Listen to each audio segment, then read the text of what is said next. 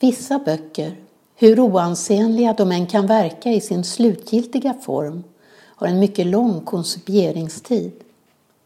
Författaren V.G. Sebald och konstnären Jan Peter Tripp träffades redan som pojkar under mitten av 50-talet i Tyskland. Sebald var ett år äldre och gick en skolklass över Tripp, men en dag överträdde han det utmätta avstånd som denna skillnad innebar, stegade fram till Tripp och sa Jag har hört att du kan teckna. Själv skriver jag och jag tycker att vi tillsammans ska göra en skoltidning. Den ton av samklang som då uppstod där på skolgården genljuder fortfarande, över 50 år senare, i den bok Unerzählt som gavs ut postumt två år efter Sebads plötsliga död i en bilolycka i Norfolk, England i december 2001. Boken innehåller 33 mikrodikter Uttrycket är poetens eget, av Sebald och lika många etsningar, alla föreställande ögonpar av Jan Peter Tripp. Under nästan ett halvt sekel förde alltså de båda en livaktig dialog med ordet och bilden som redskap. Likt toner med en oändligt lång räckvidd flög tankar klädda i ord eller gestaltade i bilder mellan dem i en mångstämmig och aldrig upphörande fyrhandskomposition. Ett mycket speciellt partitur som nu också finns tolkat till svenska i en distinkt och avklarnad översättning av Fedja Wieröd Bordtjak och Vasilis pappa Giorgio under titeln Oberättat. Arbetet med att sammanställa bild och ord till bokens manuskript var påbörjat men inte avslutat vid Sebalds död. Det tillkom alltså Tripp ensam att fatta de beslut som skulle ligga till grund för den slutliga kompositionen av ord och bild. De ögonpar som blickar emot oss i boken tillhör alla personer, levande och döda, som varit ständiga följeslagare till de båda upphovsmännen i deras konstnärliga sökande. Marcel Proust, Samuel Beckett, Francis Bacon, Truman Capote, för att nu bara nämna några. Men också personliga gemensamma vänner och familjemedlemmar finns representerade. Alla är inte mänskliga varelser. Även en undergiven hundblick möter oss. En hund som enligt vad Sebald skriver i en essä om Tripps konstnärskap kan se många saker med större exakthet än vi. Att öppna en bok innebär alltid ett möte mellan blickar. Läsarens blick, som är själva förutsättningen för detta möte, och författarens, hur undflyende och bortvänd den än kan vara. Läsarens blick har en tydlig riktning ner i boksidans vita fyrkant för att tyda och tolka det bokstavliga mönster som uppstår där. Författarens blick blir synlig genom den världsbild som detta mönster erbjuder. Det är som om läsaren betraktar en sorts dubbelprojektion hon ser världen genom författarens ögon och silar samtidigt denna bild genom sina egna erfarenheter och synminnen. I oberättat mångfaldigas denna dubbelhet genom konfrontationen med vart och ett av de 33 ögonpar som möter läsaren när hon slår upp boken. En sorts bumerangeffekt uppstår. Den blick vi nyss kastat ner på pappret kastas tillbaka på oss av ett okänt ögonpar. Det känns uppfordrande, inträngande. En klaustrofobisk känsla av trängsel i den annars så ensamt avgränsade läsakten uppstår. Det är inte utan att man kan gripas av en längtan att få vara i fred med textens blundande öga, det som bara är synligt i vår föreställningsvärld. Samtidigt erbjuder alla dessa ögonpar ett brokigt sällskap, flera sätt och synvinklar ur vilken världen kan betraktas. På så vis kan man säga att den här boken skiljer ut sig från den ensamhet som så starkt utstrålar från Sebalds kringvandrande huvudperson i hans essayistiska prosa. Vid sidan av mötet mellan läsarens blick och bildens blick pågår ett annat möte. Det är mellan bildblicken och den mikroskopiskt korta dikt som ryms på bokuppslagets motstående högra sida. I några enstaka fall sneglar bildens blick på denna text, men för det mesta möter den istället läsarens blick rakt framifrån, nästan som om dikten inte fanns eller ens förtjänade att kommenteras. Det känns uppfriskande solitärt. Allt för många böcker som inrymmer både text och bild tycks sträva efter att skapa ett illustrativt samband mellan dessa båda element något som riskerar att sudda ut deras respektive egenart.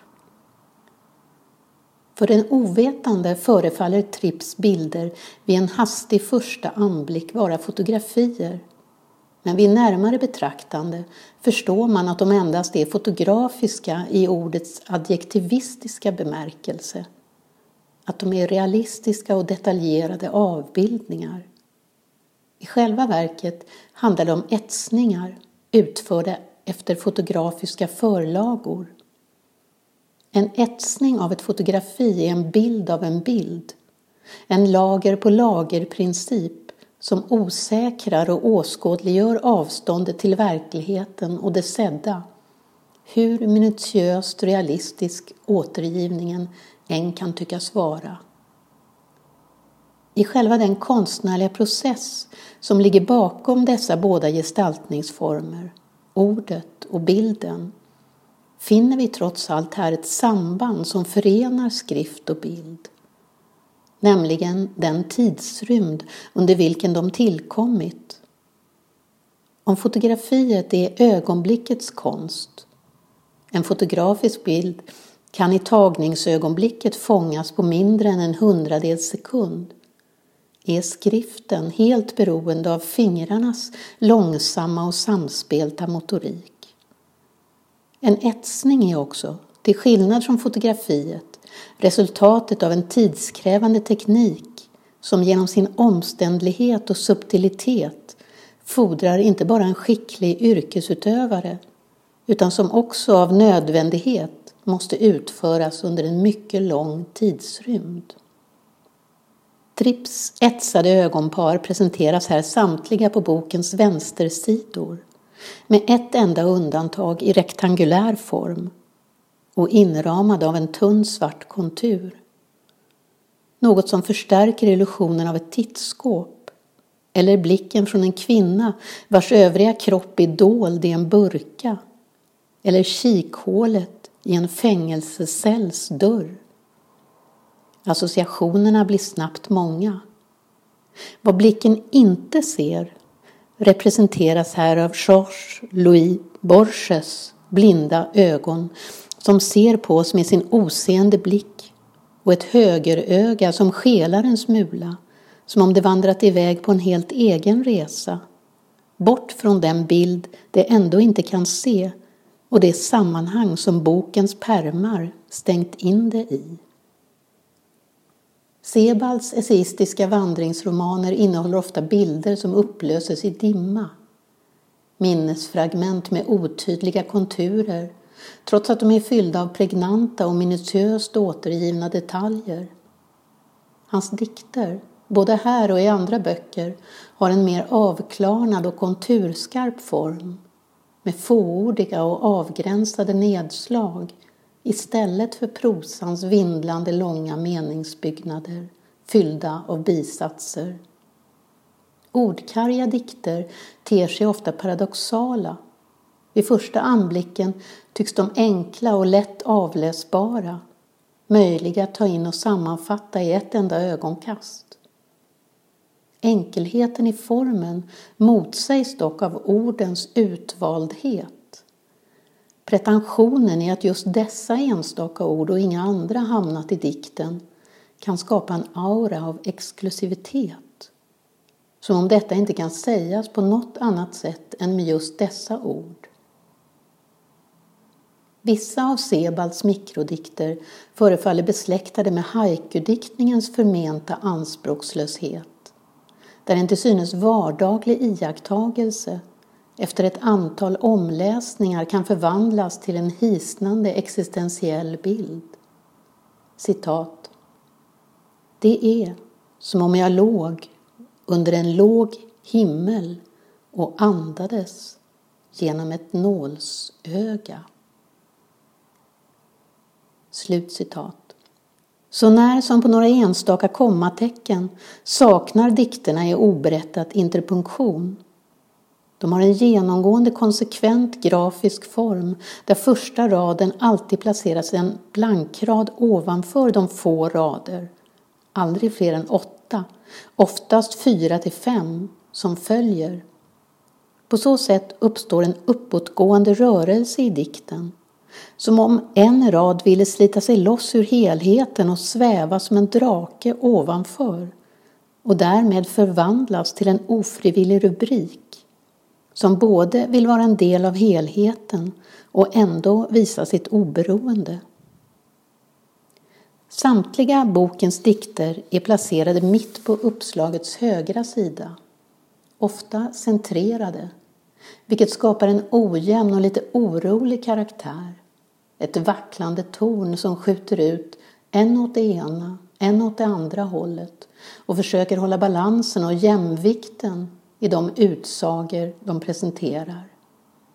Ibland är dikterna uppställda med rak vänsterkant, vilket ger ett stabilare intryck. På samma sätt som de strävar uppåt genom den lösryckta första raden tycks de falla, liksom dropp med hjälp av brutalt plötsliga radbrytningar och av sin egen gravitation dras neråt mot den siffra som utgör pagineringen på sidans botten. Hur förändras uttrycket i en dikt av känslan i den blick som den tvingas dela bokuppslag med? På vilket sätt färgar detta av sig på orden? Och tvärtom, på vilket sätt kan orden förvandla ögats uttryck och göra det mera spefullt, bekräftande eller avvisande? Att sådana förvandlingsakter verkligen förekommer finns många exempel på i denna bok. Det tvärsäkra påståendet i dikten som lyder De röda fläckarna på planeten Jupiter är 300 år gamla orkaner beledsagas av författaren Xavier Marias lite sneda och smala ögonpar där en djup skugga över höger öga förstärker intrycket av att denna blick inte riktigt godtar detta påstående. Ibland uppstår en nästan komisk överensstämmelse mellan det avbildade ögonparet och diktens budskap. Den svenske fotografen Otto Wegeners närmast emblematiska bild av Marcel Proust, författaren som kastat så mycket ljus över minnets dunkla rum, är ursprunget till de ögon under tunga ögonlock som rättframt möter läsarens blick, som ville dess bärare med sitt eget verk motbevisa diktens tes. Citat. Men tiden i vilken mörkret råder, den tiden ser ingen. Slut citat. Andra dikter liknar mera dokumentära fotografier, sakligt knivskarpa utsnitt ur en mycket större världshistorisk kontext. Här syns tydligt banden till de motivkretsar som Sebals prosa ständigt återkommer till. Citat. Klockan elva samlades hakkorsmännen på Theresienwiese och påbörjade exercisen på officerens kommando. Slut citat. Som Anders Olsson redan noterat i sitt efterord till en annan bok med Sebalds dikter, Bokstavsspåret, hyste Sebald tvivel vad gällde poesins stora anspråk på att formulera odödliga mästerverk. Dikta får man inte längre, krafsa går bra, skriver han i en av sina essäer. Utsagan kan naturligtvis också ses som en kommentar till Adornos ord om omöjligheten i att dikta efter Auschwitz. Sebans mikrodikter har inte karaktären av promemorior för evigheten utan är snarare detaljerade iakttagelser och tankespån märkta av slumpens och tillfälligheternas underbara förmåga att ibland träffa djupare än den mest medvetet bedrivna utforskning. Detta bevisas kanske av det som Sebald skriver till Tripp i juni 2001 när han, ett halvår innan sin död, sänder honom den sista versionen av sina dikter. 33 saker som jag hasplat ur mig, utvidgat, förändrat, delvis förkastat och förbättrat. I efterhand har det dessutom visat sig finnas ett stort antal olika versioner av flera av dessa dikter. Ett faktum som Sebald helt hemlighöll för de som hade åtagit sig att publicera dem. Det är som om han i poesin ville hitta ett frirum där ingen krävde av honom att finna fram till något fixt och färdigt. Ett eget rum, undanskymt från prosans mera synliga spelplats, där hans iakttagelser och språkliga experiment fortfarande kunde befinna sig i oavbruten rörelse. Det sägs vara en myt att svenskan är ett ordfattigt språk men vid en hastig jämförelse mellan originalets tyska utgåva, en engelsk utgåva, Unrecounted från 2003 och den nu föreliggande svenska blir det ändå tydligt hur svenskans förmåga till enkelhet i uttrycket och möjlighet att minska antalet ord genom att sätta samman dem är till stor gagn för just den här typen av mikrodikter. Jämför engelskans This writing paper smells like wood shavings inside the coffin med svenskans underbart osmyckade Skrivpappret luktar som spån i kistan. Vad gäller själva formgivningen av den svenska boken hade man kanske kunnat önska sig ett större förlags resurser att återge etsningar med all den tryckteknik och den papperskvalitet som de kräver. Men samtidigt kan man inte känna annat än en djup tacksamhet över att det finns små förlag som gör dessa dödsföraktande satsningar och bidrar till att skapa en större helhetsbild av ett av 1900-talets viktigaste författarskap.